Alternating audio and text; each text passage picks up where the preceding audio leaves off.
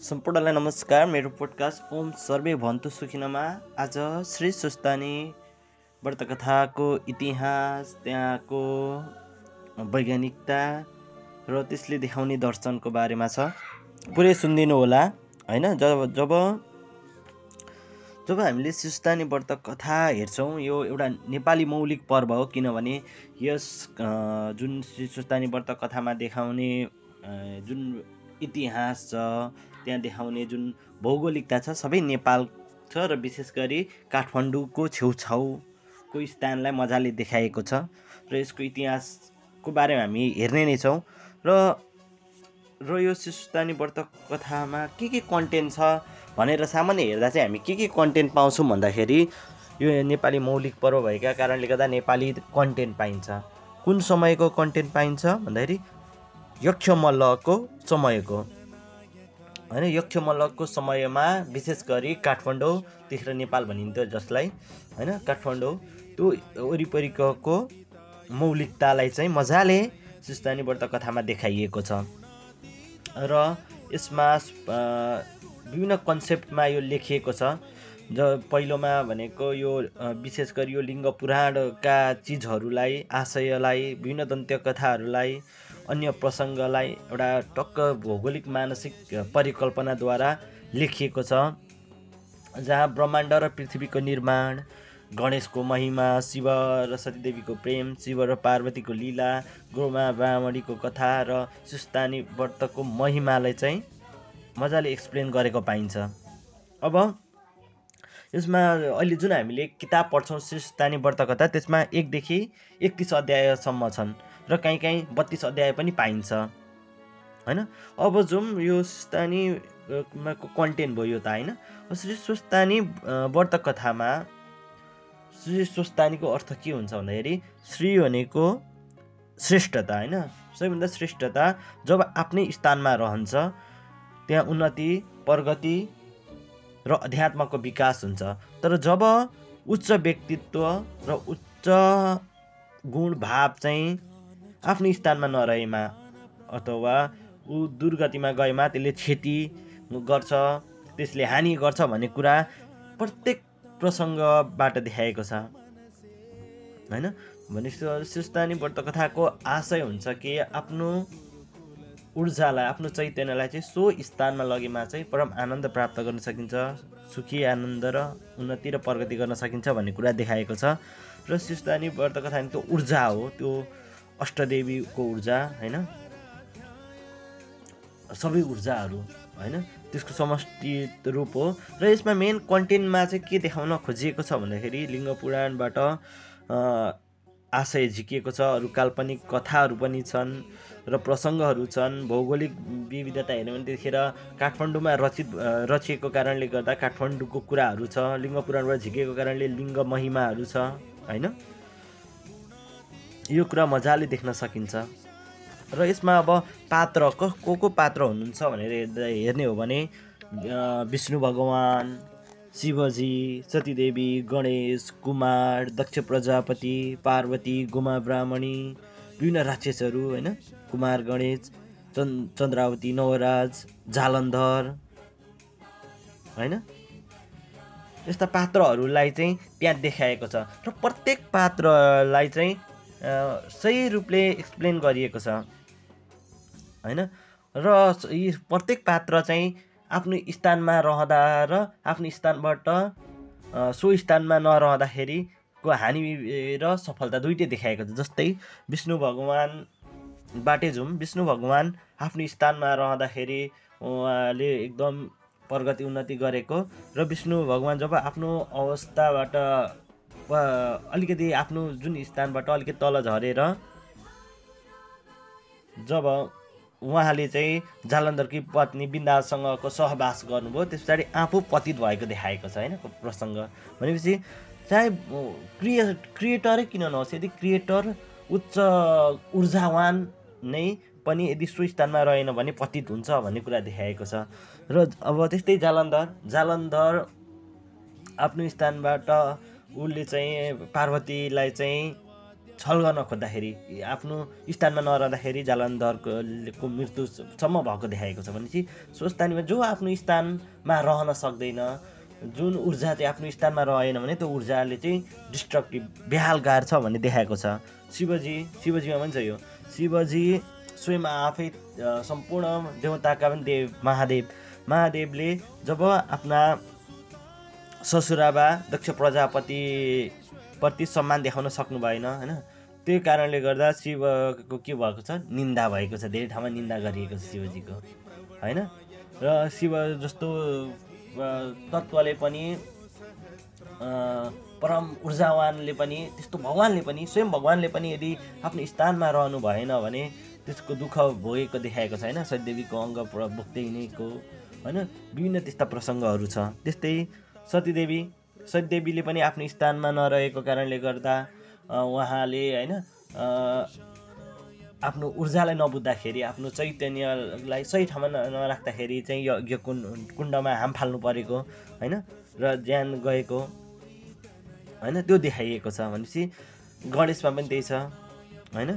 कुमारले चाहिँ आफ्नो स्थान आफ्नो मातापिताको वरिपरि को महत्त्व बुझ्न नसक्दाखेरि चारै ब्रह्माण्ड घुमेर पनि घुम्नु परेको होइन? त्यस्तै गोमा ब्राह्मणी नवरा चन्द्रावतीको सबैको यदि प्रत्येक पात्रहरू सो स्थानमा बस्यो भने के हुन्छ र सो स्थानमा आफ्नो गुणमा आफ्नो चैतन्यमा रहेन भने के हुन्छ भन्ने कुरा दुइटै पक्षलाई देखाइएको छ सुस्तानी व्रत कथामा। त्यही भएर यसको नामै श्री सुस्तानी व्रत कथा छ।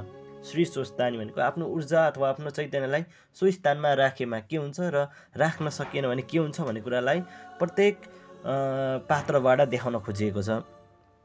र यसमा सुरुमा यो कथा कुमारजीले भनेको पाइन्छ अगस्त मुनिलाई।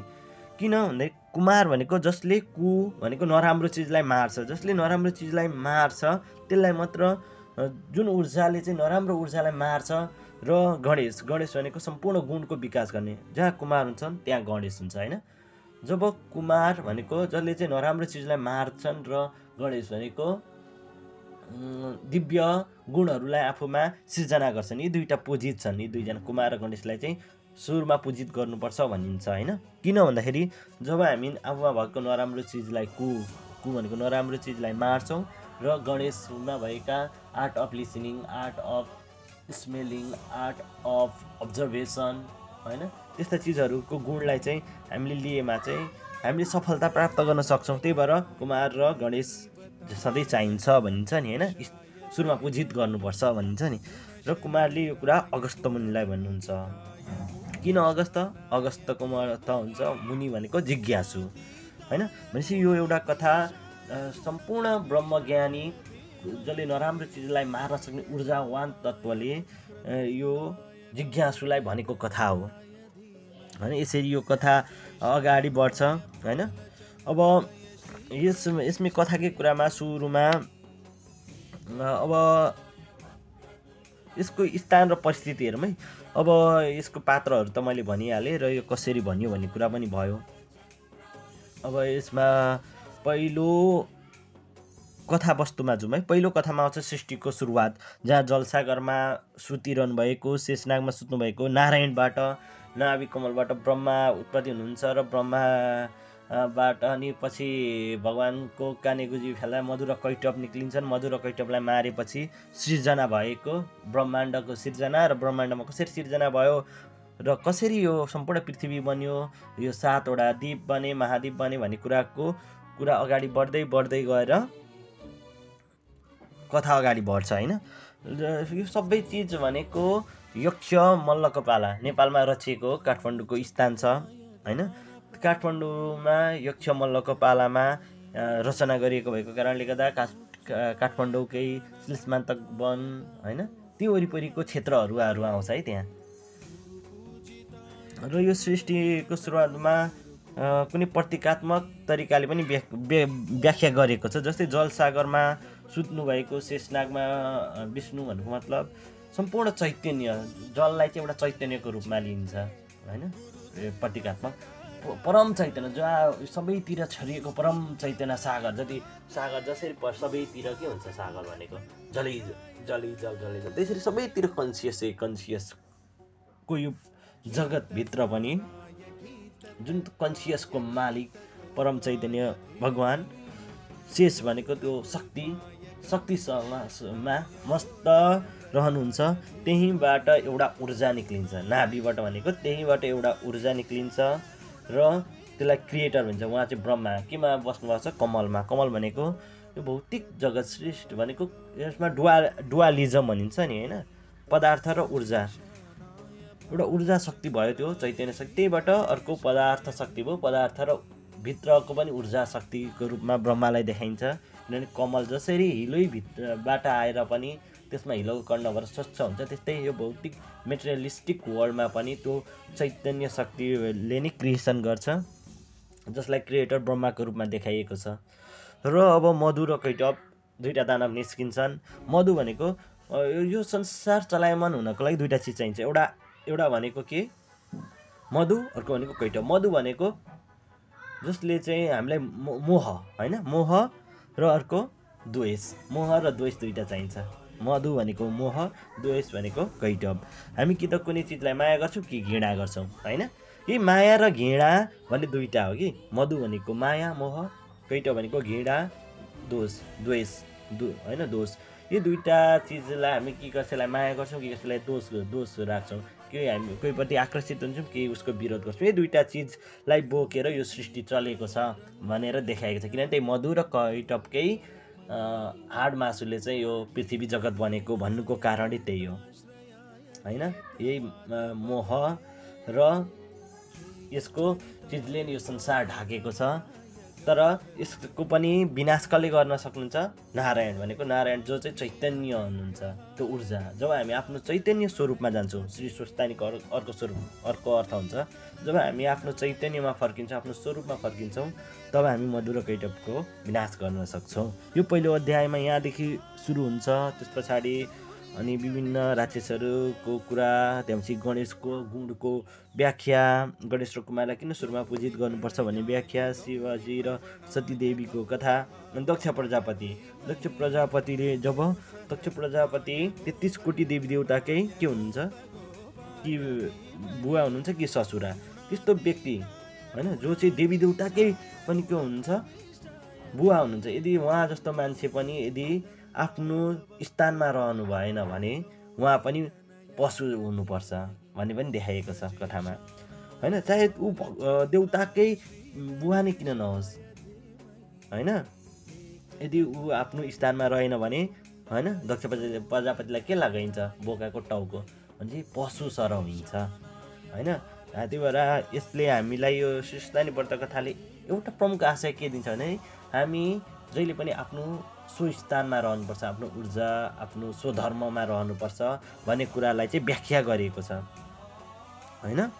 र यहाँ विशेष गरी एक सय आठ एकदम आउँछ यहाँ। एक सय आठ फुल पाती किन भन्दाखेरि एक सय आठ भनेको एक प्लस जिरो प्लस आठ भनेको नौ। नौलाई चाहिँ पूर्णता मानिन्छ क्या। जब हामी पूर्ण रूपले कुनै कुनै चिजमा लाग्छौँ त्यो चिज चाहिँ के हुन्छ? सम्पन्न भयो भने त्यसले चाहिँ सफलता खुसी र आनन्द सबै दिन्छ भन्ने कुरा प्रतीकात्मक रूपमा देखाइएको हो। हामी एक सय आठ फलफुल एक सय आठ सुपारी दाना एक सय आठ भन्ने आउँछ नि त्यसको अर्थै त्यही हुन्छ। एक जिरो आठ भनेको एक प्लस जिरो प्लस आठ नौ हो। नौ भनेको पूर्ण हो। पूर्ण अङ्क हो नि त। नौभन्दा माथि त दस हुन्छ। दस भनेको एक एक हो फेरि।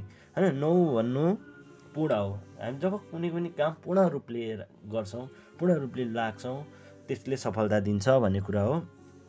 र अब अर्को अब यसको यो कुरा भइहाल्यो। अब म कथावस्तु भयो अब यसको इतिहासको बारेमा भन्छु। श्री सुस्तानी व्रत कथाको इतिहास हेर्ने हो भने नेपालमा विशेष गरी यो अहिलेको काठमाडौँमा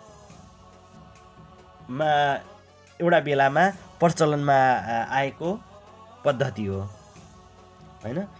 यो जब बौद्ध मार्गीहरू धेरै थिए र बौद्ध मार्गी धेरै भएपछि एउटा शिव मठमाथि चाहिँ शङ्ख घन्टीमा रोक लगाइएको थियो त्यतिखेर र यक्ष मल्लले चाहिँ शिव महिमा र गरिमा र शैव मतको प्रचारको लागि करिब चौधौँ शताब्दीतिर चौधौँ शताब्दीतिर अर्थात् नेपाल सम्बत पाँच सय उन्साठीदेखि नेपाल सम्बत छ सय दुई नेपाल सम्बत भनेको नेवारी सम्बत है। उहाँले लिङ्ग पुराणको आशय दन्तकथा त्यहाँको प्रसङ्ग र मानसिक कल्पना भौगोलिकता र समाज रूपान्तरणको लागि त्यतिखेर लेखिएको लिखित रूपमा लेखिएको ग्रन्थ हो। त्यही भएर यस ग्रन्थमा चाहिँ त्यतिखेरका परिस्थितिहरू देखाइन्छ। त्यतिखेर के थियो? यक्षमल्लको पालामा रहेका परिस्थिति भनेको एउटा प्रथालाई देखाएको छ। सती प्रथालाई त्यहाँ देखाएको छ नि। त्यतिखेर सती प्रथा चलेको थियो। त्यही भएर त्यो सती प्रथालाई स्वस्तानीले देखाउनुको कारण के हो? यक्षमल्लको पालामा सती प्रथा प्रचलनमा थियो होइन? त्यही भएर सती प्रथालाई देखाएको छ। किनभने त्यो त्यो समयमा रचिएको चिज हो कि। त्यसले त्यहाँ त्यो इतिहासलाई देखाउँछ। तर यो समाज रूपान्तरण तरणको लागि लेखिएको थियो होइन? किनभने शैव मतको प्रचारको लागि लेखिएको थियो त्यो लिङ्ग पुराणबाट लिएको कारणले गर्दा विभिन्न लिङ्ग पुराणको आशयहरूलाई लिएको छ। त्यतिखेरको दन्तकथाहरूलाई लिएको छ। समाज रूपान्तरणका लागि चाहिने चिजहरूलाई लिएको छ। आध्यात्मिक विकासको कुराहरूलाई लिएको छ। र यो श्री सुस्तानी चाहिँ त्यतिखेर पहिलो सुस्तानी लेखियो। र त्यो लेखिँदा चाहिँ यो नेवारी भाषामा थियो। अहिले जस्तो पुरै नेपाली भाषामा थिएन। नेवारी भाषामा लेखिएको थियो। र नेवारी भाषामा लेखिएको थियो र र नेपाल सम्बत नेवारहरूकै नेपाल सम्बत छ सय उन्स यो छ सय उन्साठी होइन? छ सय उन्साठीमा नेपाल श्री तिन स्वस्तानी भन्ने आयो। जसलाई चाहिँ फागुनमा आरम्भ गरेका थिए देवदत्त भन्नेले र नेवारी भाषामा थियो। त्यहाँदेखि चाहिँ यो घर घरमा पढ्ने र पढ्ने गराउन थालियो। र पछि यो काठमाडौँबाट यो चिज बढ्दै नेपालीमा लेखियो र नेपालभरि यसलाई पढ्न थालियो होइन? अब यसमा यसको वैज्ञानिकताको बारेमा कुरा गरौँ। यो जहिले पनि माघ यो भनेको पुष शुक्ल पूर्णिमादेखि माघ शुक्ल पूर्णिमामा पढिन्छ।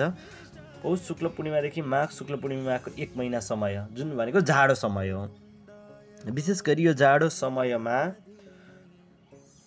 हाम्रो हाम्रो चाहिँ स्वास्थ्य हाम्रो स्वास्थ्यलाई र हाम्रो स्वभावलाई सही ठाउँमा ल्याउनको लागि र त्यतिखेरको शैव मतको प्रचारको लागि रचना गरिएको थियो।